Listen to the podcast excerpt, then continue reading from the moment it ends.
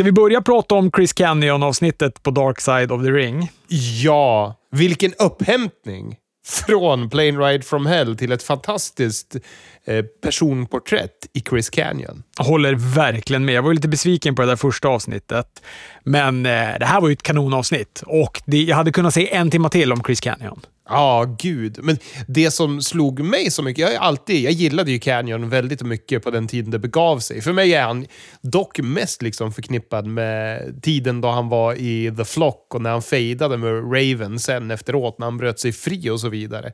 Men och jag tyckte ju alltid att han var väldigt innovativ, men när jag såg det nu, när Young Bucks pratade om att han brottades den amerikanska indie-wrestling-stilen innan det var en stil, så var det så jävla påtagligt när de visade klippen på det. Vurmade man innan för Chris Canyon så vurmade man ju ännu mer efter man hade sett det här avsnittet. Jag vurmade även för vet du, Jim Mitchell, Sinister Minister.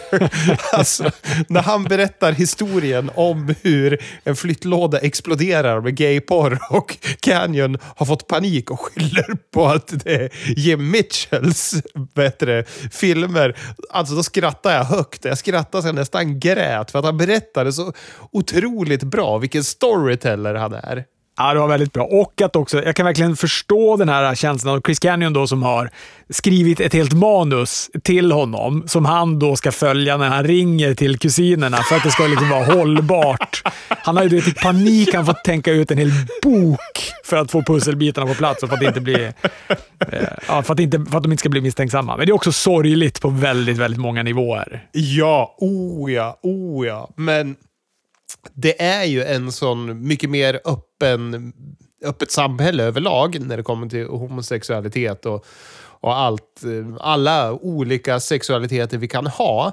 Så att, vad heter det, han var ju för tidigt, eller vad man ska säga, det, det var ju så olyckligt när det där skedde, men han har ju betytt mycket för många efterhand. Och efter det här avsnittet så är det ju många vad heter det, homosexuella wrestlare som har gått ut och liksom bara, åh, jag önskar att jag kunde få ha träffat honom, pratat med honom, berättat hur viktigt det är att höra sånt här. Och eh, till exempel Anthony Bowens i Critically Acclaimed, han berättade hur han brukade smyga in på bokaffärer och stå och tjuvläsa Chris Canyons självbiografi. För han ville inte att någon skulle veta att han läste om eh, en gay-brottare. Han var ju själv det. Och vågade inte alls berätta för det. För han kände exakt samma saker som de berättade om Chris Canyon. Eh, så att, ja, många som öppnar upp sig kring det där också efteråt. Om jag då hade läst mer än fem böcker i hela mitt liv så borde jag ju, borde jag ju ta mig an den där självbiografin. Jag pratade lite med Sebbe. Han, tyckte, han tyckte att biografin var till och med bättre än avsnittet och då gillade han avsnittet väldigt, väldigt mycket. Aha! Spännande. Då vill man ju definitivt läsa den. Jag tycker om eh, biografier. Inte lika mycket som Sebbe. Han är bananas när det kommer till det. Fader Mitchell ska ju också ha någonting för att han stod ut. Ja, verkligen. Verkligen. Men det var ju nära att han sköt honom. han, var ju, han var ju nära på att wastea honom vid ett tillfälle. Så att, ja. ja. Ja, men det var, det var kul att det hämtade hem sig, det där, eh, att det avsnittet var så där himla, himla bra. De borde ha börjat med det där istället. Jag hade velat ha det där som ett första avsnitt. Ja, och åt, återigen så framstår ju Rick Flair som en oskön människa när han ringer in till Howard Stern och säger att Canyon är en dålig worker. För var det något Canyon var så var det ju en bra worker. Sen kanske han inte hade mest utstrålning eller bästa look looken eller kanske den bästa promo, men en bra worker, det var han definitivt. Ja, Jo, ja, det är inte Flairs säsong det här. Det är sannerligen inte. Nej, verkligen inte. Jag lyssnade ju på en podcast som heter Wrestlers Anonymous. Eller Wrestling Anonymous kanske den heter. Det är Colt Cabanas nya podcast som funkar lite som en hotline. När folk får ringa in och berätta sina wrestlinghistorier. De får inte berätta vem de är. Eh, och sen berättar de olika historier eh, som är ja, men superfantastiska tycker jag. Det, eh, alltså jag, har skrattat, jag har lyssnat på den här till och från jobbet och jag skrattar högt varje gång jag lyssnar på den. Det första de berättar om är när Haku, den farligaste mannen enligt många inom wrestlingen, som sliter ut ögat på folk, som sliter ut käken på folk. Hur han, när ett fan på något sätt har kommit backstage med sin nyfödda son, eller han kanske var ett halvår den här sonen. När Hakuba, får jag testa? Så tar han barnet och börjar stretcha barnet lite och testa lederna. Och, och sen så, så, så tittar han barnet djupt in i ögonen och säger jag ska träna dig. Jag kommer älska dig. Och så heter det, kommer pappan och bara, ja, ja, vi ska gå nu. Nej. Säger bara Aku. Och står kvar och håller kvar barnet lite. Och säger lite mer kärleksfulla saker och lämnar sen ifrån sig barnet. Det är en fantastisk vision tycker jag.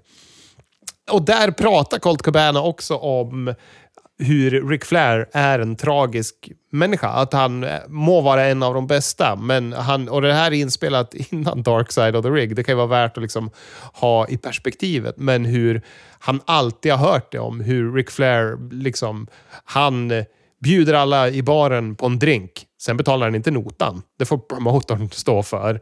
Han eh, vad heter det, gör allt för att vara the man, men han liksom trampar på folk. Han må vara en underbar brottare, men han är en sorglig människa. Och det säger ändå Colt Cobain. tycker jag är modigt av honom att säga eftersom Rick Flair är så vurmad och hyllad.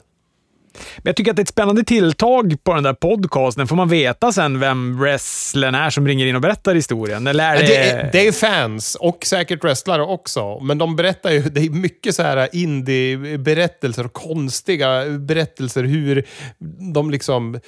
Någon kille som satt bredvid Simon Diamond, för det var hans idol. Han hjälpte till att ställa ut vet, stolar runt ringen på någon indie-show. Och så kom det någon fet blonderad man och skulle berätta berättelser för Simon Diamond hela tiden. Och han satt och lyssnade och den här killen fattade ingenting för han älskade ju ECW. Han förstod inte vem den här blonderade feta mannen var, men det var ju Dusty Rhodes som hade suttit och pratat med dem. Men han var bara intresserad av Simon Diamond. Det var hans legend. Ja. Ha, du, har du sett uh, Roads to the Top? Heter den så? Den här uh, Cody Rhodes och Brandy Rhodes av dokumentärserien, eller vad nu det ska föreställa att det är. Jag har sett de första kvarten, första tio minuterna, medan jag väntade på att min son skulle somna alldeles innan vi började spela in idag. Och jag är redan hooked. Jag vill ju fortsätta titta nu. Jag vill inte spela in någon jävla podcast. Jag vill se när Cody Rhodes brottas med huruvida han ska se barnet komma ut ur hennes vagina eller inte. För ja, det är en thing i den här pod eller, i podcasten, i den här serien. Och det var där jag pausade just nu. Ja. Ja, jo, nej, men jag, jag, tycker väl också att det var bra. Det är ju väldigt amerikanskt man, när det också är så här spelad dokumentär. Man vet som inte när det är dokumentärt och när det är väldigt mycket fiktion. Det är, det är så snabba klipp och så lite tempomusik i bakgrunden och så där. Så det är ju svårt att känna att det är så helt dokumentärt. Oh, ja. alltså, de kämpar ju inte för att förmedla den känslan riktigt, men man förstår ändå vad det är de vill eh, förmedla med den här. Och jag, jag tycker också den var bra, men jag tycker ju att den är inte klädsam för de som har ett litet horn i sidan mot Cody Rhodes. Så är, den här, det underlättar inte för honom. det är bra. De ska ju bygga honom som heel nu. Det här ska ju stärka hans varumärke. Nej, men det har du helt rätt i. Det kommer ju spä på det som folk redan känner mot honom. Han tar ju också upp det och det känns ju som att han är, att han är medveten om det och är helt okej okay med det också. Nu har jag, inte, jag har bara sett lite i klippen i början när han pratar om det, men eh, absolut. SummerSlam ryktas komma till Cardiff, Wales. Coolt. Tror vi på det? Ingen aning. Jag väntade med spänning på vad det var för SummerSlam-rykte, för jag har inte läst det. Så att när du skrev att vi skulle prata om det så blev det genast spännande. Det låter ju jättespännande med Wales. Det är väl att det är, ryktas i alla fall om att det är någon stor pay-per-view som ska gå av stapeln i England, eller i Storbritannien. Och eh, då tänker man väl att det är SummerSlam, för att det, jag tror att det ryktades som att det var kring det, alltså, så att det rimmade väldigt bra med när SummerSlam går av stapeln. Men det blir ju lite, det blir ju lite speciellt för de som bor i USA eftersom tid, för oss blir det ju väldigt bekvämt, men för de i USA blir det väldigt obekvämt. Men det eh, var ju, det som var 92 eh, i Wembley, det pratas ju om fortfarande, det är SummerSlam, som ett liksom, av de SummerSlam som sticker ut. Så att det kommer löna sig om de gör det, oavsett Låt oss eh, gå igenom lite galer då som har varit under veckans gång, eller lite shower. Vi har ju vi har Rampage. Vi ska gå igenom extra långt Rampage. Japp. Som var lite för långt för min smak. Jag saknade den här en timmes Rampage. även om det var väldigt bra matcher. Jag tycker nästan att det var bättre än Dynamite i, i kvaliteten på det här Grand Slammet. Kändes det som. Förutom att vi inte hade Daniels, Danielson och eh, Kenny Omega. Den matchen var ju fantastisk. Men i övrigt så tycker jag att det här Rampage kändes nog fräschare än Dynamite. Ja, det var ett kanon-rampage. Det var det sannerligen. Men jag håller väl kanske lite med. Det är den där... Man saknade ingredienserna tre matcher och lite tugg. Japp. Att det på något sätt räcker. Det räcker med det. Öppnade med eh, CM Punk mot eh, Powerhouse Hobbs. Tyckte det var skönt att se CM Punk tillbaka i småbyxor igen. Du, det var du inte ensam om. Det var nog mer pops åt de där småbyxorna än eh, många brottare på den där showen. Ja, han kände som att han var tillbaka. Han gjorde Machoman elbow-droppen, han pekade finger till Hook, han höll på att ta ihjäl Powerhouse Hobbs också med den här Hurricane Ranan från mellersta repet. Han kändes tillbaka. Japp, äh, men det var kul. Det var en bra match. Det är, jag tycker det är skönt att Powerhouse Hobbs får en chans att utvecklas också. Jag gillar Hobbs. Han är bra. Ja, och det var ju väldigt mycket som man hade tänkt att den här matchen skulle vara. Alltså att Punk gav Hobbs massor. Han eh, slingrade sig ur, vad var det, tre stycken go to sleep-försök. Hook är lite inblandad. Punk fintar Hobbs, så han springer ner Hook och sen avslutar han med en go to sleep. Det var en bra match och det var en bra start. Ja, men det är ganska strångt av honom att göra ändå en go to sleep på Powerhouse Hobbs. Nu är ju Punk inte så liten. Alltså, Punk ser smalare ut när han har kläder på sig. När han står i jeans och rancid hoods på ja, Dynamite. Ja, ja. Då ser han mycket smalare ut än när han kommer ut i småbyxor. Ja, he helt sant. Verkligen. Han ser ut som att han bara är en average Joe när han kommer ut i street clothes. Apropå Rancid Hoodies. Vet du vem som var på Rancid-konsert? Jag vet inte om det stämmer, men personen hävdade också att det var den första popkonsert han hade varit på. Men det måste vara ett ljug. Men vilken wrestling-legendar tror du har varit på en Rancid-konsert i helgen? Ja, som, var på sin, som då säger att det är den första också konserten man har varit på. Mm. Dustin Rhodes. Nej, men det hade, var, hade kunnat varit. Nej, Ricky Morton från Rock'n'Roll Express. Han var och såg ja. Rancid live och tyckte det var fenomenalt. Han var mitt andra alternativ. Superklick, som för övrigt är ett supernamn tycker jag. Jag älskar att de kallar sig för Superklick. Ja, jag tror att det är så många som stör sig på The Elite och Superclick specifikt. Och det gör mig jätteglad. Det gör mig jätteglad när det sitter sådana här trötta som eh, wrestlingfans som bara vill se en produkt. De vill bara se WWE och de hatar de här eh, unga killarna som inte är så jävla ung längre. Som de inte förstår och som är så kaxiga. Jag älskar det. De gick eh, match mot Jurassic Express och Christian Cage. Det är orimlig decibel på jublet när Adam Cole kommer in. Alltså han är... Han måste ju vara det hetaste som finns just nu. Ja, och inte bara jublet när han kommer in, på Boom när han kör det och på Adam Cole baby. Alltså, det är helt sjukt. Men hur kan han ha blivit... För jag menar, de har ändå varit på takeover och sånt där också. Det är ganska stora, det är ganska saftiga arenor och sånt där. Men ja. jag tycker att det, är, det känns som att han är ännu större stjärna nu, bara för att han är i AEW. Ja, det är för att han har kommit hem. Visst känner de så? Det är, de välkomnar tillbaka den förlorade sonen. Matchen är fenomenal. Den är fenomenal. Den är, alltså Jungle Boy var extra bra i den här matchen tycker jag också. Allt, alla var bra, men Jungle Boy var extra bra och han fick extra mycket utrymme också. Och det, man förstår ju det nu eftersom vi då fick en match på Dynamite sen då mellan Adam Cole och eh, Jungle Boy. Men jag, man älskade hur de byggde, för här under den här matchen så var ju den matchen bara presumtiv. Och jag älskade hur de byggde hela den här eh, tag matchen på att man skulle vilja bli sugen på att se Adam Cole mot Jungle Boy. Japp. Ja, det var jättesnyggt. Jättesnyggt var det. Tycker även att Luchasaurus var överraskande bra och överraskande tight i den här matchen. Ja, för han kan ju vara lite svajig. Det kan han ju verkligen vara. Men här var han faktiskt tight och han var bra. Det, det har du verkligen rätt i. Superklick vann, Adam Cole med en Panama i ringen på Luchasaurus och Bucks tätt efter med BTE Trigger. Väldigt kul match. Ja, det är skönt att de har Luchasaurus som kan ta pinn också jämt, men fortfarande vara över med det lilla han behöver göra. Nu gör han ju ganska mycket för att vara en big man, men han fortsätter ju vara över och kan alltid förlora de där matcherna åt Jurassic Express och Christian Cage utan att det händer något för någon.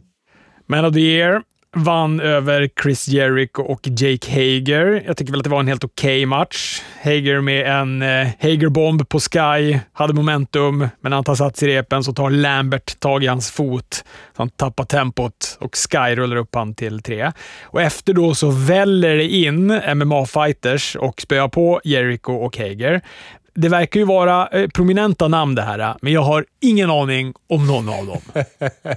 Nej, Masvidal, han som kom och knäde Jericho i huvudet. Det var ett bra knä. Det såg coolt ut. Han är väl det största namnet de har. Så tror jag att någon av damerna de har också i American Top Team är eh, ett sånt här världsnamn. Kanske mästare till och med. Vem vet? Men jag tycker att det här är det bästa de har gjort med MMA-fightersarna.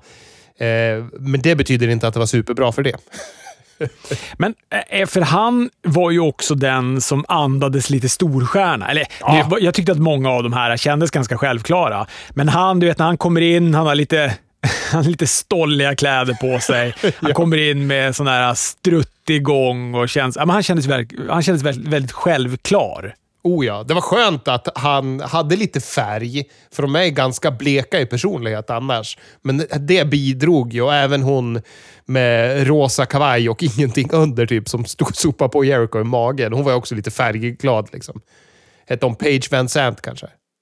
Eh, Lucha Bros och Santana Ortiz gick match mot eh, Private Party, Butcher och Blade. Det här var en buffé i manövrar från topprepet. Alla var inne samtidigt, alla var överallt. Hardy släppte fram en sax, skulle klippa håret av Ortiz när Orange Cassidy visade upp sig. Lucha Bros satte en fear factor på Quen. Santana Ortiz följde upp med en street sweeper och Santana tog pinfall och vann matchen. Intensiv match, minst sagt. Ja, eh, en uppvisning var det väl mer än match på många sätt. Men fan, jag älskar Lucha Bros. Och vi älskar Alex Abrahantes. ja, nå jävulskt. Han är ju så stollig när han kommer in. Han, han struttar inte som en kaxig människa. Han struttar som en medelålders pappa som nyss har gått på disco. Alltså, jättekonstigt stil när han kommer in. Men det måste ju vara hans gimmick. Att han är så här, jag är glad för att jag får vara med. Det är den gimmicken han har. För att han är ju väldigt glad för att han får vara med. Ja, ja. ja det är underligt men härligt.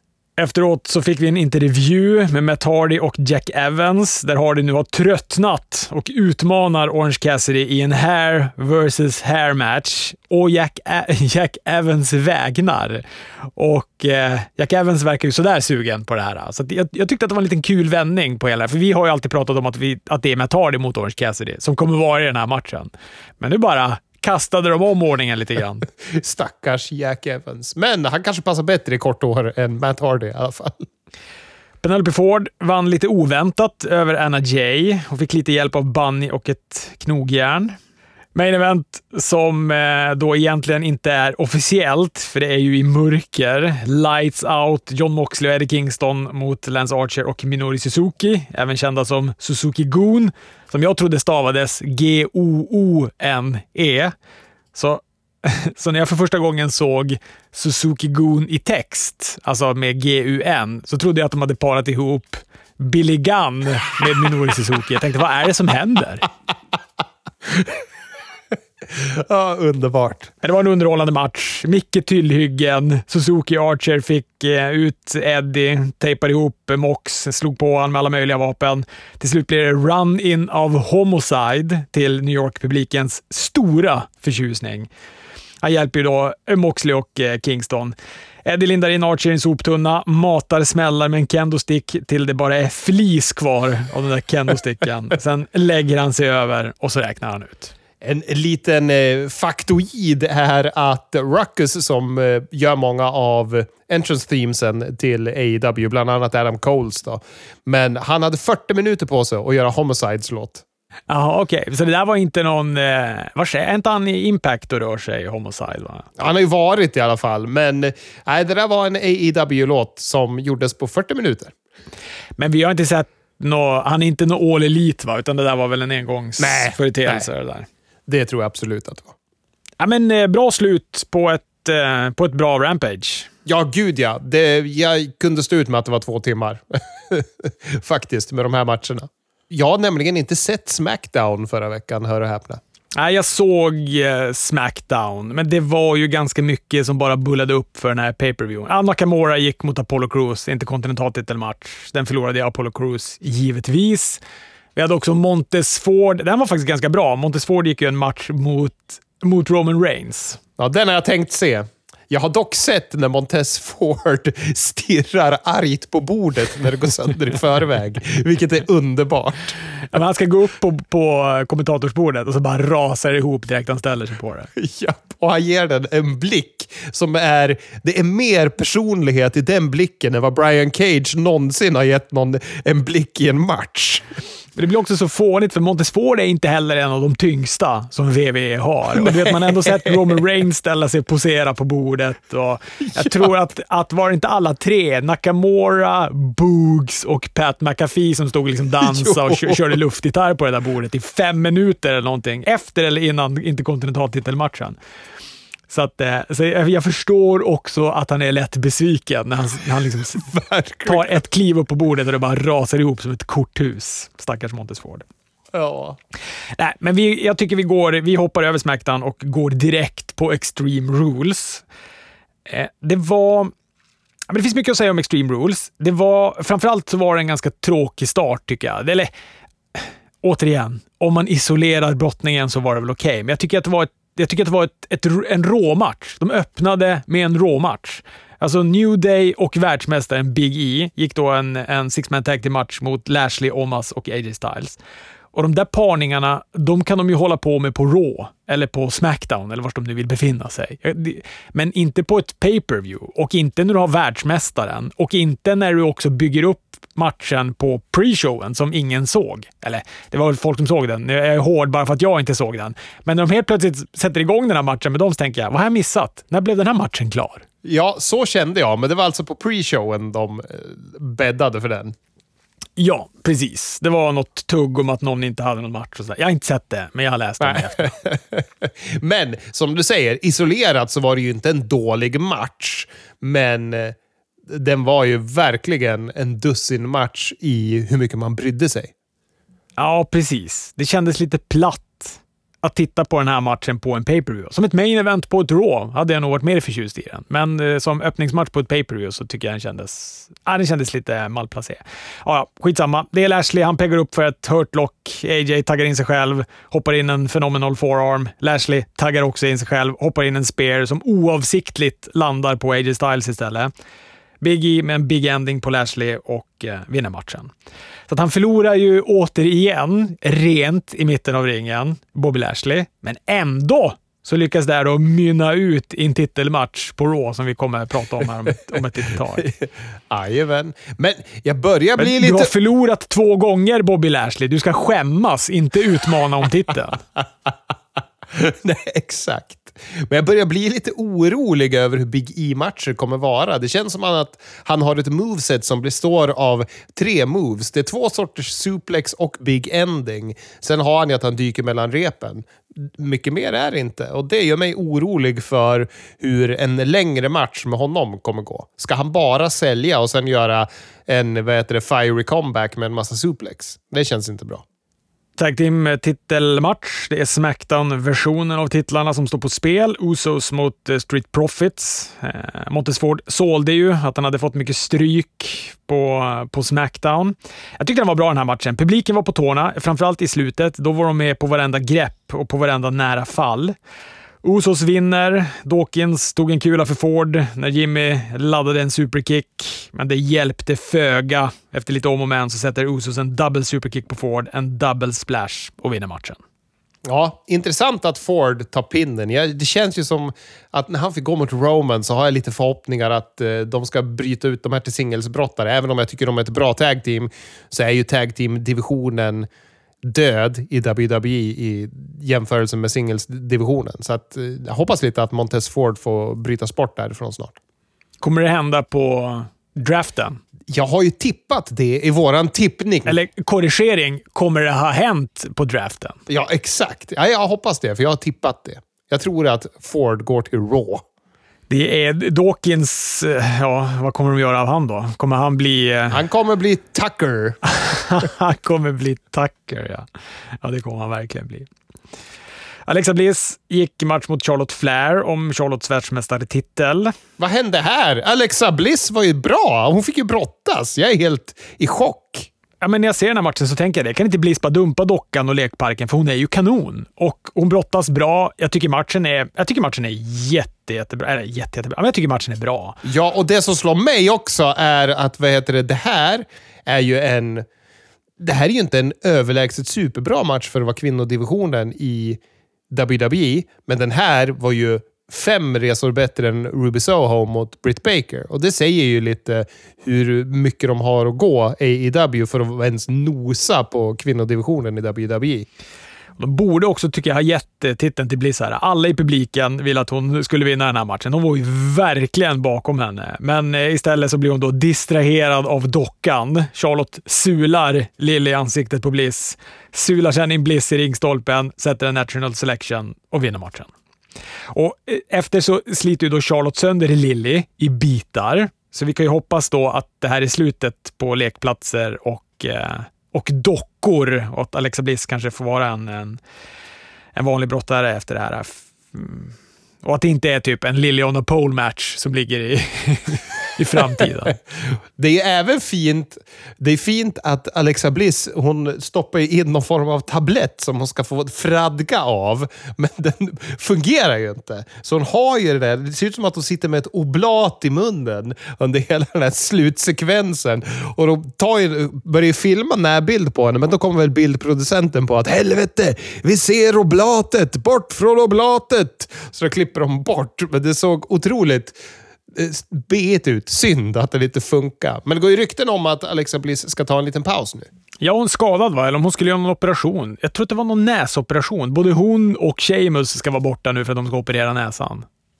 Men vi har ju alla tuggat på en C-vitaminbrus eller något sånt där tidigt. Du vet, det bara spolar ju fradga ur munnen på en.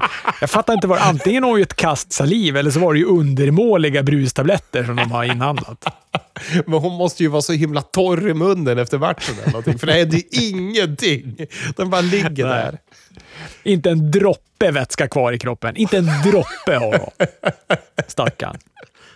Hela det segmentet där hon sörjer Lilly, grinar och försöker stoppa tillbaka henne och tugga sönder den här tabletten. Då, det är ju typ nästan längre än hela matchen. Ja, och det är inte populärt bland publiken. Apropå det här, har du sett Seth Rollins hos Stone Cold Steve Austin? Nej, jag har inte gjort det. Jag har bara hört något citat om att han var redo på att dra på Vince McMahon en smäll efter hans Hell Cell-match mot The Fiend. Ja, han pratar, jag har sett just när han pratar om det. Jag kollade lite på det idag. Och Det är ju kopplat till den här storylinen. Men det är ju det han och Bray Wyatt ville göra. Det var inte det de fick instruktioner att göra. Utan Vince, han berättade hur de skulle göra. Och så gick de ut och gjorde det. Och han hörde under matchen att det är ingen som tycker den här matchen är bra. Alla hatar den. Och jag kommer göra ett slut på den här matchen som alla kommer hata. Så efter han gick ut ifrån ringen, in i gorilla position, så sitter Vince på en stol och de står och håller Seth borta ifrån Vince. Och Seth bara tittar på Vince och Vince bara tittar tillbaka. Ingen säger något och Vince bara går därifrån. Sen kommer Paul Heyman upp och Paul Heymanar Seth Rollins. Det vill säga, han står och snackar bullshit om hur det kommer att vara bra, vad, vad publiken egentligen tyckte och så vidare. och så vidare. Och jag tror att Paul Heyman är bra på den biten. Jag tror att han är kanon Oh, ja. på den grejen.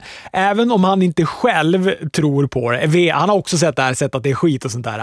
Men han vet exakt vad han ska säga för att det här liksom ska slätas över i tillfället i alla fall. För att det kan inte bli kaos där bak. exakt. Exakt. Ja, ja, jag tror att han är ett geni på det sättet, Paul Heyman. Det är därför han är kvar. Det är inte bara därför han är kvar. Han är så bra på att släta, han är bra på att släcka bränder. Japp, den perfekta mellanchefen, Paul Heyman. Ja. Triple threat-match om US-titeln. Det är Damien Priest, det är Jeff Hardy och det är Sheamus. Jag tycker att det här är en kul match, framförallt sista minuterna. Publiken är väldigt mycket bakom Jeff Hardy, lite otippat, i den här matchen. De ville verkligen att han skulle vinna. Nå djävulskt. Alltså, det finns inget stöd för Damien Priest i den här matchen i jämförelse. Men Priest vinner ändå och han behåller titeln. Han gör en roll-up på Sheamus och vinner det. Men Seamus, vilken kämpe han är. Vilken hard-working man han är. Jag tycker han, han är ju ringgeneralen i den här matchen. Han ser dessutom ut att ha jävligt roligt. Jag tycker att Fan, Seamus, jag är glad över den där lansen jag drog för två år sedan. Eller när fan jag drog den. För att han har levererat. Jag måste bara säga det. Han är kung. Becky Lynch och Bianca Belair om Beckys titel är näst på tur. En match som jag tyckte var väldigt bra. Gillade att de gav den mycket tid. Slutet var bedrövligt. Det är ju kul att se Sasha tillbaka, men att de gör ett diskvalifikationsslut här är ju det är under all kritik. Verkligen. Det är så jävla dumt. Jag lyssnar mycket på Wrestling Observer. Brian Alvarez han var ju otroligt störd över att Becky Lynch innan, i någon videopromo, står och pratar om att it's, it's extreme rules, anything goes. Och sen så kör den här matchen då och det är verkligen inte anything goes, utan, utan hon... Sasha Banks sätter sin fot i ringen och en fot på Bianca Belair och sen en fot på Becky Lynch och då är det diskvalifikation. Ja, det är så jävla dumt. Men visst, hon dojar väl på egentligen Bianca Belair först. Det borde, diskvalifika, diskvalifikationen borde ju vara på Becky Lynch. Så att egentligen borde ja, men det var den. Det var den. Bianca Belair Nej, men jag tror alltså när man går och läser resultatet på deras hemsida så står det draw. Va? De sa att Bianca vann, tycker jag, under matchen. det var det jag uppfattade det som. Men jaha. För att hon attackerar ju inte Becky förrän efteråt. För Becky står ju och ger henne en Orange Cassidy-tumme upp efter matchen och grejer. Main event, Demon King mot Roman Reigns om Romans universal, universal, universal titel. ja, men, eh, fick mycket tid den här matchen. Vi börjar med det positiva, Chris. Vi börjar med det positiva. Ja, ja. Gud ja. Gud, ja. Det, fick, det fick mycket tid. Matchen är bra. Den gav publiken vad de ville ha. Det var bord, det var stolar, det var kendo-sticks, det var slagsmål i publiken, det var near falls, så de fick räkna i kör allihopa. Och så Sen då så lägger ju då Us Usos sig i i slutet, så Demon King går ju då tre mot en där ett tag. Han lyckas ta ut Usos, men sen så åker han på en redig spear genom barrikaden. Men då börjar de spela Demon Kings musik. nu vet du. Och lägger på The Fiend-rött sken. Ja, då blev man ju orolig. Och rökmaskin. Och den där rökmaskinen, den hade ju haft problem innan. Jag trodde det var en, en så här, vad heter det, brandsläckare som hade gått sönder under ringen, för det vällde ju upp rök under matchen. Och jag tänkte, shit, är det någon sån här fejkad som inte skjuter ut eh, vad heter det, släckningsmedel, utan som skjuter ut ja, men bara rök, dry ice liksom. Men nej, det var den där rökmaskinen som visste hur dåligt det här skulle vara, så den hade gett upp redan under matchen. Och musiken, den fungerar också som hjärtstartare till Demon King, för han ligger och sprattlar till liv i takt med musiken. Han ligger som en fisk som han har dragit upp på, på land, som, som kämpar för sitt liv. Och det tråkiga, det tråkiga är ju att han gör ju det här med lite, lite fördröjning. För att det finns ju ingen... Inte kan han veta exakt när de här hjärtslagen ska komma, eller pulserna ska komma i början. Så att det kommer och då juckar han lite efteråt. Det är bland det konstigaste jag sett i wrestling. ja, han är lite i otakt där. Det är han sannerligen. Ja, han tar sig in i ringen, han får momentum, han ska hoppa in sin avslutande coup de grace, men då brister topprepet med en väldigt, väldigt dålig ljudeffekt också. Och han faller till backen. Roman sätter en spear och vinner matchen. Ja, och det är ju även så att han måste stå och vänta på att de ska trycka på den där jävla spränga topprepet-knappen alldeles för länge också. Det är mycket som inte är bra i den här avslutningen. Sen så pekar ju även Roman Reigns mot himlen som att det är Gud som har gjort en comeback i wrestlingen sen han förlorade mot Vince McMahon på vad det nu var för pay-per-view. Hade de inte kunnat göra någonting med Brock Lesnar här? Hade de inte kunnat göra att Brock Lesnar kommer in och sliter sönder ringstolpen eller något så han, så han faller ner. Och så sen hade vi kunnat ha en, en, en snabb match mellan Demon King och Brock Lesnar. Eller inte Demon King då, men Finn Balor mot Brock Lesnar.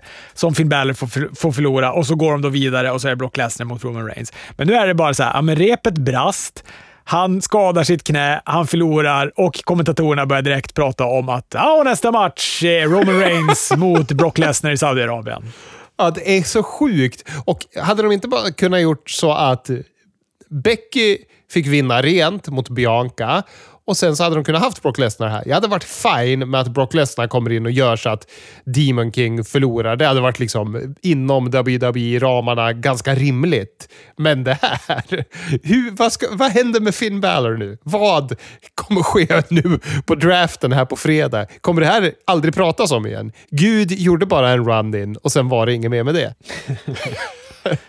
Men här var ju Young Bucks sådär jobbiga mot de här WWE Die Hardsen. För de gick ut och twittrade då. Åh, vi hörde att de andra hade ett pay-per-view ikväll. Undrar vad som trendar? och det var ju när det trendade kring den här skiten. Ja, nej, det var, var märkligt. De två liksom, största matcherna och kanske också de två bästa matcherna hade skitslut. De var bra brottningsmässigt, men de hade skitslut. Och det var ju också fascinerande att på Extreme Rules så var det en match som hade Extreme Rules och det var den sista matchen. Japp.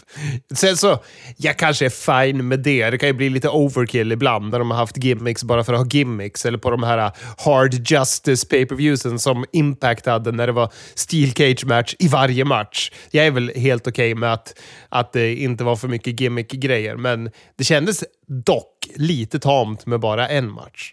Man hade kunnat ha en till i alla fall. En till hade kunnat vara en Extreme Rules-match. Annars känns det som att man får tänka om när det gäller namnet på den där pay-per-viewen. Ja, ja, exakt.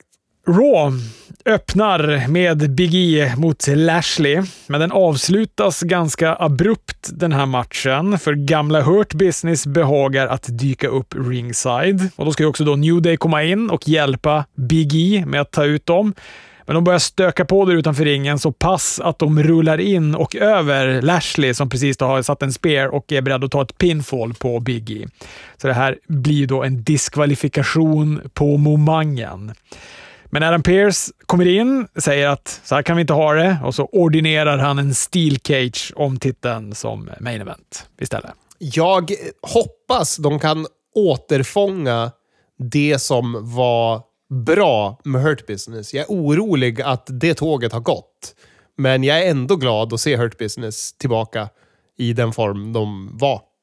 Ja, jag vill nästan ge det ett rå till innan jag känner ifall jag tycker att det är en bra idé eller en dålig idé. För det känns som att Cedric Alexander, Shelton Benjamin, ja, men de fejdade ju där ett tag. Och de gick ju typ några matcher mot varandra. Sen helt plötsligt så var de ett tag team igen i någon match och sen var de borta. Och nu är de tillbaka och har Hurt Business-tröjor på sig. Ja, det är det jag menar. De sabbade ju det där, men jag hoppas verkligen att de kan hitta tillbaka till det, för det var bra. Det var ju det bästa som var på Raw ett tag under pandemin. Hurt Business och, och Randy Orton. Det var liksom de bra grejerna. Men behöver de inte MVP också, Hurt Business? Och han är väl borta? Är han skadad eller vad har hänt med honom? Ja, just det. Ja, det stämmer ju. Det stämmer ju. Jo, de behöver ju någon som kan surra. Bobby Lashley är ju tyvärr så att han låter som han läser ett manus när han gör promos. Ja, ja. Sen var det tre snabba. Vi börjar med Angel Garza, flankerad av Umberto Carrillo. Vann över Eric, känd från Viking Raiders. En distraktion och en wingclipper och eh, Ja, det var utgången. Två minuter lång var den här matchen. 24-7 titelmatch. Reginald mot Ricochet slutade i en diskvalifikation. En och en halv minut. Akrobatisk gymnastik. Buskisgänget la sig i. De satt ringside och det var det som då orsakade den här diskvalifikationen. Och apropå Buskisgänget, Tosawa blev sen mos i en match på 36 sekunder med den nya Keith Bearcat Lee. Inte ölkatten. Det har kommit lite, har kommit lite klagomål på mitt uttal. Mitt engelska uttal för björn från förra avsnittet. Jag sa väl Bearcat då, men Bearcat. Så man ska säga det. Ja. Det är inte lätt. Sen var det US-titelmatch. Damon Priest gick mot Sheamus. No countout, no submission, no disqualification. Nu passar det att ha en Extreme Rules-match. Dagen efter Extreme Rules. exakt, exakt. Men, eh, men jag tyckte den här var, det här var en bra match. Den här får ju också ta lite tid, så, så här har de verkligen lagt lite krut. Den var hård, det var mycket bord. Sheamus med en white noise från ringkanten ner på backen via ett bord. Landade ju rätt på huvudet va? På, på stackars Damien Priest. Det, det såg hårt ut. Och eh, Han skickar också in Priest med huvudet först i en stol som står uppspjälkad i ringhörnan. Priest jobbar sig sen tillbaka, skickar Sheamus genom ett bord, sätter en reckoning och eh, vinner matchen. Bra vinst för Priest. Publiken inte lika het här som de var på Extreme Rules, men då saknades ju å andra sidan Jeff Hardy i den här matchen. Ja. ja, men jag tycker det var en bra match och de här korta matcherna var ju bortklippt från YouTube-versionen, så hittills har det varit ett väldigt bra Raw i mina ögon när jag tittade på det. Jeff Hardy var dock med i matchen efteråt. Det är en six-man tag team match. Mansour, Mustafa Ali och Jeff Hardy går mot Jinder Mahal, Weir och Shanky. Och det här gick inte vägen för Face-gänget. Weir pinnade Ali efter en close lime och vann. Ganska platt match. Ja, jag är ledsen att jag inte fick se det här på YouTube, för jag gillar ju Veer. Det är en av mina favoriter. Varför är det det? Jag kan inte låta bli. Han har så bra look. Jag älskar hans look.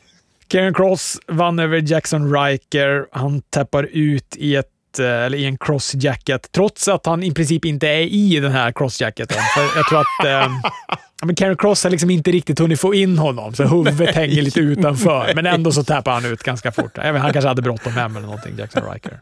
Ja, fy fan. Sen blir AJ Styles mot Riddle. En match som jag gillade massor. Väldigt, väldigt underhållande. Full fart. AJ var uppe på repet, skulle hoppa in en phenomenal forearm, men Riddle sparkar bort benen på honom så han flyger ner på backen. Såg riktigt hårt ut när han gjorde det. Sen följde Riddle upp med en straffspark som Styles sålde in och ut. Såg också väldigt hård ut.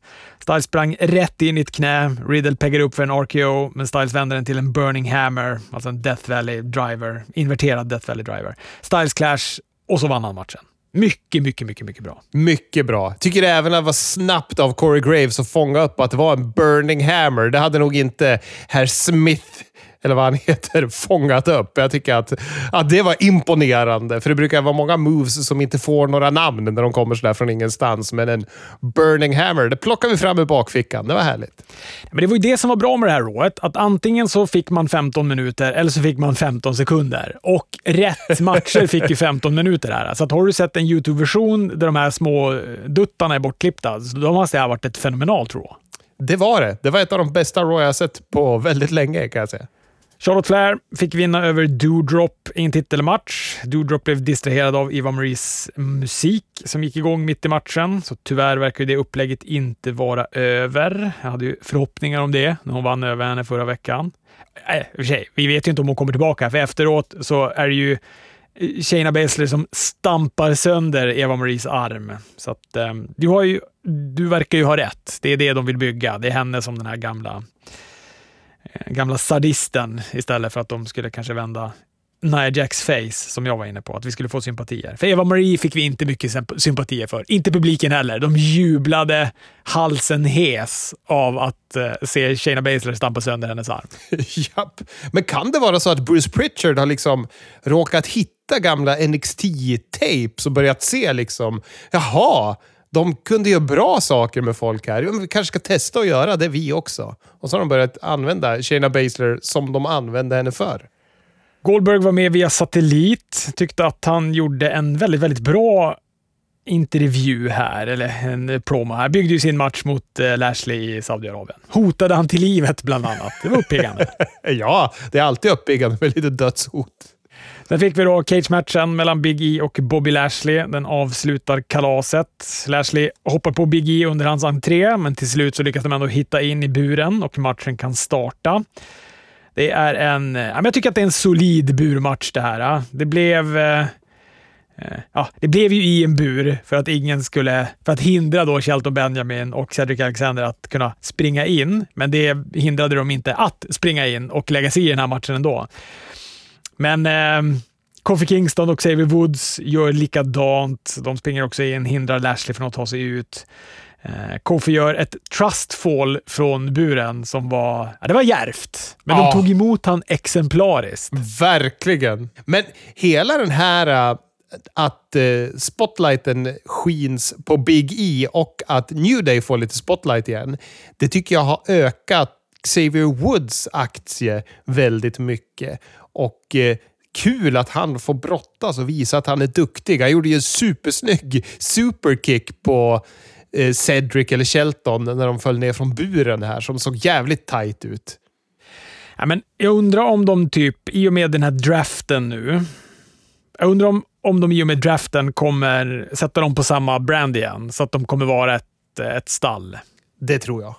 För det känns som, men de löpte ju inte linan rakt ut heller, när de splittrade upp dem. Nej, nej, de kunde inte riktigt det. De skulle hälsa på varandra hela tiden.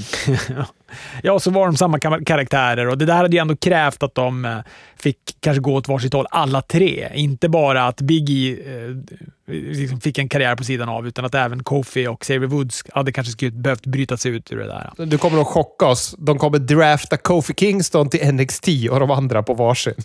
Det enda sättet. Ja, det vore nog. Nej, men du, man vill ju inte ha någonting. Men jag tror att NXT är nog en one way draft den här gången. Men jag tror ingen kommer draftas till NXT. Nej, Det nej. inte. Det är slut på de tiderna. Ja, Lashley och eh, eh, Big E nötte på ett tag i buren. Det var stora moves, det var nära fall. Lashley försökte klättra ut igen, men Big E hann ikapp honom, satte en big ending från andra repet och vann till slut. Och efteråt så kommer Drew McIntyre in, pekar med sitt enorma svärd på Big E's titel. Så det är väl det som är fortsättningen i det här då. Det är väl eh, Drew McIntyre mot Big E härnäst. Det är intressant, en face fade. Det är inte något som Vince brukar vara så superpigg på. Nej, men frågan är, kan det inte bli en match bara på Raw? På draft, Raw-draften och så sen så draftas någon av... Det känns ju som att Drew McIntyre är på väg till Smackdown, gör inte det? Jo, så kan det mycket väl vara. Men en sak är säkert. Nog fan har WWE shapat upp senaste veckorna. Det är betydligt högre kvalitet på Raw nu än vad det var under väldigt lång tid. Dynamite. Jag tycker det är så snyggt när de öppnar Dynamite med en sån popfest. Först så släpper de ju på sin Punk och publiken blir ju superglada. Och sen när de precis har hunnit lugna ner sig lite, då drar de igång It's all about the boom och Ah. eh, Adam Cole kommer in och publiken briserar igen. Det är liksom men det, det, är, det är så snyggt gjort. Jag får ju rysningar av att se det och då kan Ja, jag bara tänka mig ja. hur det är att vara i den atmosfären. Det är ett sånt smart sätt att börja på det sättet, för det gör ju att man, man bubblar ju upp och är glad bara och har kommit en minut in i showen. Du menar alltså att det här är ett bättre sätt att öppna det på än att Miss och Morrison sitter på två regissörstolar i ringen med vattenkanoner?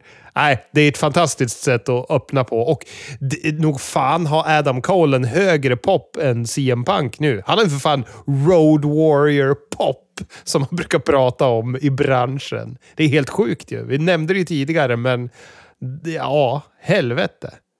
Adam Cole och Jungle Boy öppnar eh, detta Dynamite. Det är en jätte, jättebra match. Vilken jävla kemi de har de här två. Det är otroligt. Ja. Och Jungle Boy får så mycket utrymme. Han gör den mest nonchalanta Hurricane Ranan jag någonsin har sett. Han gör sig så här, så här snabbt höjdhoppshopp över topprepet och fångar upp Adam Cole med benen runt huvudet. Kastar han från ringkanten ner på golvet. Det var otroligt snyggt.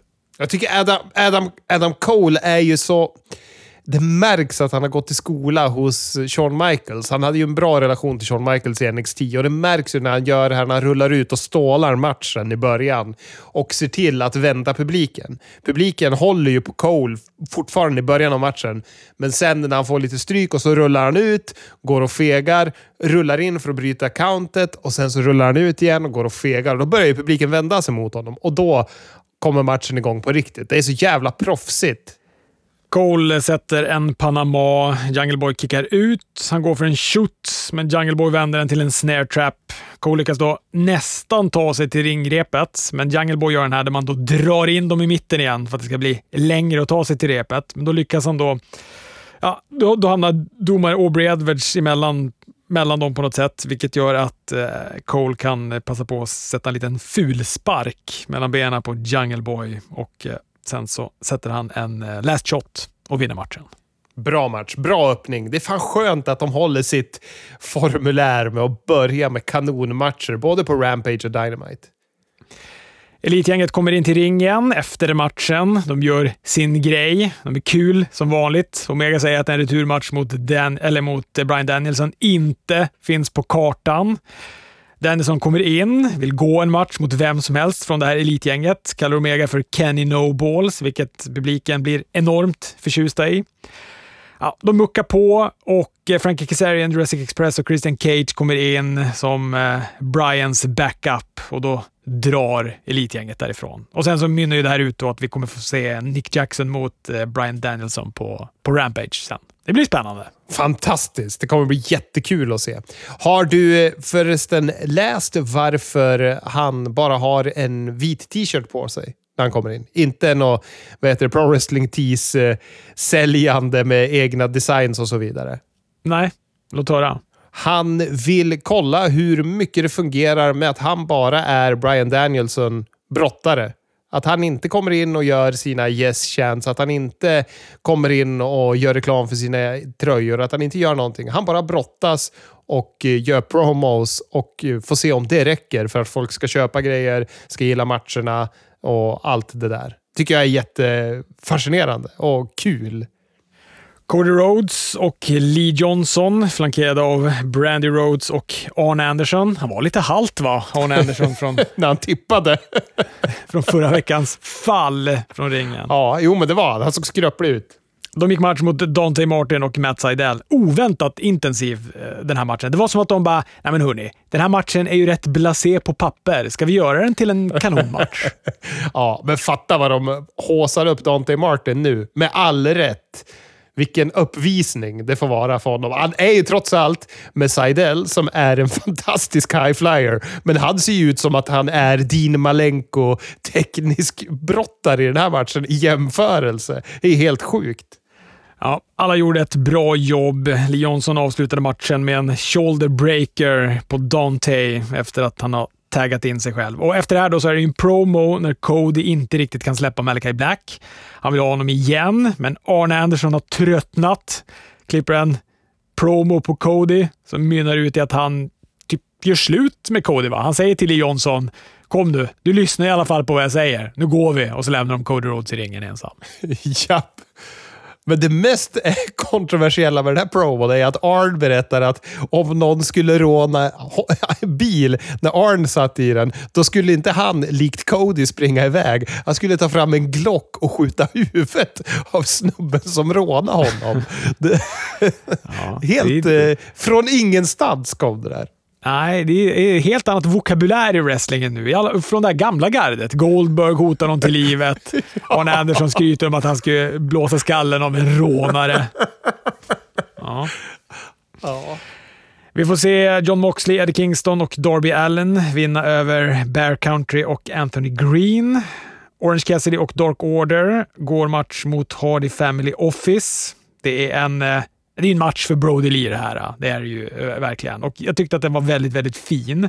Oh, Dark Order ja. fortsätter ju ha sina interna konflikter. När Evil Uno, Stu Grayson och Colt Cabana är på väg att lämna, då kommer Negative One, Ty Conti, Anna Jay och Amanda Hubert in. Varav den sistnämnda då skäller ut dem efter noter. Så de då springer tillbaka i ringen och eh, färdigställer matchen. Silver går bananas på HFO. Publiken går bananas för att Silver går bananas och eh, Stu och eh, Uno avslutar med sin fatality och vinner matchen. Men vad heter det? Vem var det de vann mot? Det är någon snubbe som... Jag, det såg ut som att det var någon som vad heter det, cosplayade som The Rock som var i ringen från ingenstans. Bara, vem fan är det jag sitter och tittar på? Jag hängde inte med. Han är alltså någon som är med i Hardy Family Office som jag borde veta vem det är. Men jag har ingen aning om vem det var. Han är också den som jag inte kan uttala namnet på. Vad heter han? Jorah Jawel eller något sånt där. Han måste ju vara någon Dark-kille okay. som de har. De måste ju ha värvat honom på Dark. För det är också när jag satt och skrev ner alla de här. Jag bara, ja men Matt Hardy, Mark Quinn, Isaiah Cassidy, Butcher Blade, Angelic och Jack Evans och vem är den sista killen? Så fick jag googla upp då att det var den här Jorah Jawel eller vad han heter. Ja. ja, det var fint att de hade han som kunde förlora i alla fall. Vi får dock inte glömma att Negative One också kastade papper i ansiktet på Evil Uno. Viktigt moment och väldigt hjärtvärmande. Och vi får inte glömma att Alan Angels tog av sig masken, vilket han ser ju dock otroligt sympatisk och snäll ut under den där masken, men det var ju en sån ful mask, så äntligen. Och ännu ett och. Preston Vance, number 10, hade en ny mask som inte var osymmetrisk och förjävlig. Så det var mycket bra med den här matchen. Sen så kom ju den här uh, Roads to the Top efteråt och han är med då, uh, Vance, där, uh, i en intervju eller bara något segment han pratar och då har han ju inte mask på sig. Och han är ju, alltså, han är ju gudomligt fager, den karln. Ja, jag vet! Jag vet! Alltså att de har en mask på honom är bortom all förstånd. Ja, det är så jävla dumt. Han är ju en supersnygg kar som de sätter på den fulaste masken inom wrestling. Det är så dumt. Han borde ju vara... De borde ju bara se dollartecken på honom. Det där är ju en våt dröm för Vince McMahon. För han är ju bitig och jävlig också. Liksom.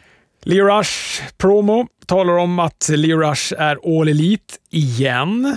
Han har ju varit det tidigare, men slutat. Men nu är han det igen då. Men ja, jag tycker det är kul. Han är ju kanon, Leo Rush. Så att för mig får han gärna vara All Elite och gärna inte ha, eh, vad heter det nu, pensionerat sig eller lagt av till nästa vecka. Nej men verkligen. Och vad heter det?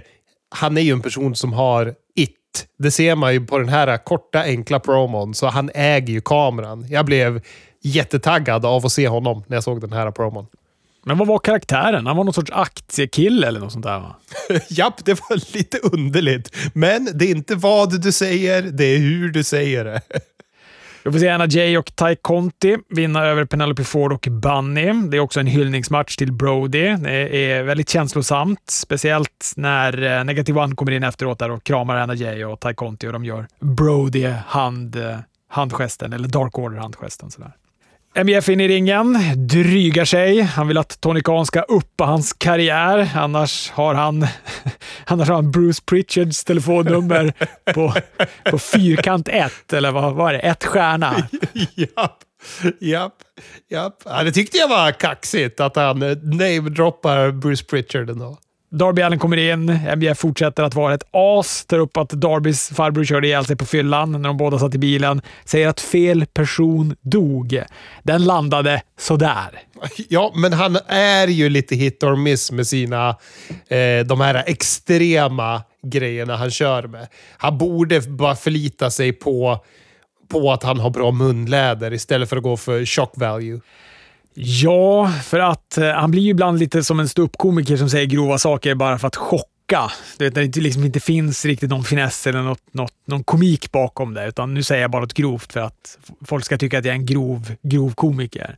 Han blir ju lite, han hamnar ju lite där ibland, vilket jag tycker är synd. För att han, eh, han behöver inte hålla på med de där grejerna. Han behöver inte vara så där grov. Det behöver han verkligen inte vara. Nej, exakt. Och det är väl en av de få delarna i hans game som påvisar att han är ung. För att han har inte insett att han inte behöver göra det där. Han, är ju, han har ju alla verktyg. Använd dem till perfektion istället. För det kan han. Main eventet är om TNT-titeln. Det är Miro mot Sammy Guevara. Det blev en eh, riktig thriller den här matchen. Ett bra avslut. Ett, eh, det hade ju inte kunnat vara ett, ett annat avslut än det här. Det hade ju varit helt omöjligt att ha Miro som vinnare i main eventet på den här Brody Lee-versionen av ett eh, Dynamite. japp, japp, japp. Men eh, fatta vad Miro har blivit bättre. Jag satt och tänkte på det efter den här matchen. att Han har haft en jävligt bra title run. Och gud vad dålig han var när han var the best man. Vad var det för jävla skit egentligen? Ja, nej, det var värdelöst. Ja, men jag tycker han gör det bra den här matchen också. Han, är ju, han kör ju sin grej. Han, eh, han har ju totalt övertag i början. Han kastar ju bara runt på Sammy Guevara. Han är stor, han är en maskin. Men sen så börjar övertaget avta. Guevara kommer tillbaka. Han gör en Tornado DDT, en Go to Hospital. Sen landar han en 630 senton och vinner matchen. Ja, han, vet det, han gör ju den här Tornado DDT för att Fuego del Sol kommer in och försöker hjälpa till och Miro sänker honom och det är Fuegos move. Och Miro ska ju tydligen vara svag mot DDTs. Det är ju något i storyn att han är kass på det. Men, eh, men det var effektfullt. Kul att alla face-brottare, inte alla, mid-carder face-brottarna kommer ut och hyllar Sammy efter matchen också. Han har fått tillbaka sin bil också nu, Fuego, så det borde han ju vara glad över. ja, verkligen. Jag håller på att kolla ratings här. De har ju precis kommit ut, så vi har fått dem från Anders i vår chatt. Eh, ja, men Dynamite den här veckan landade på 0,45 i rating, hade 1,1 miljon. Eh, och Raw hade 1,7 miljoner, landade på 0,48 i, i rating. då. Eh, så att... Eh, ja, var inte så superbra siffror. Ja, men inte superbra, men de är ändå, de är ändå där och nafsar dem i hälarna. De, jo, och båda showerna är ju etta på respektive marknad, så att det går ju inte att, att klaga. Liksom. Men jag såg även en intressant grej hur eh, tv-vanorna i Kanada är. Det är Meltzer som har vad heter det, uppdaterat med det. Då, att om man ska ta den korta versionen så kan man säga att tonåringar och kvinnor 18 till 49, alltså tonåringar och så kvinnor 18 till 49 i Kanada, de tittar inte på wrestling överhuvudtaget. Men eller ja, det är inte lika mycket som USA i alla fall. Men män mellan 18 till 49, de kollar på både Raw och AEW mycket mer än vad man kollar i USA. Men de kollar inte mer på Smackdown. Konstigt nog. Detta om detta. Hörni, vi hörs.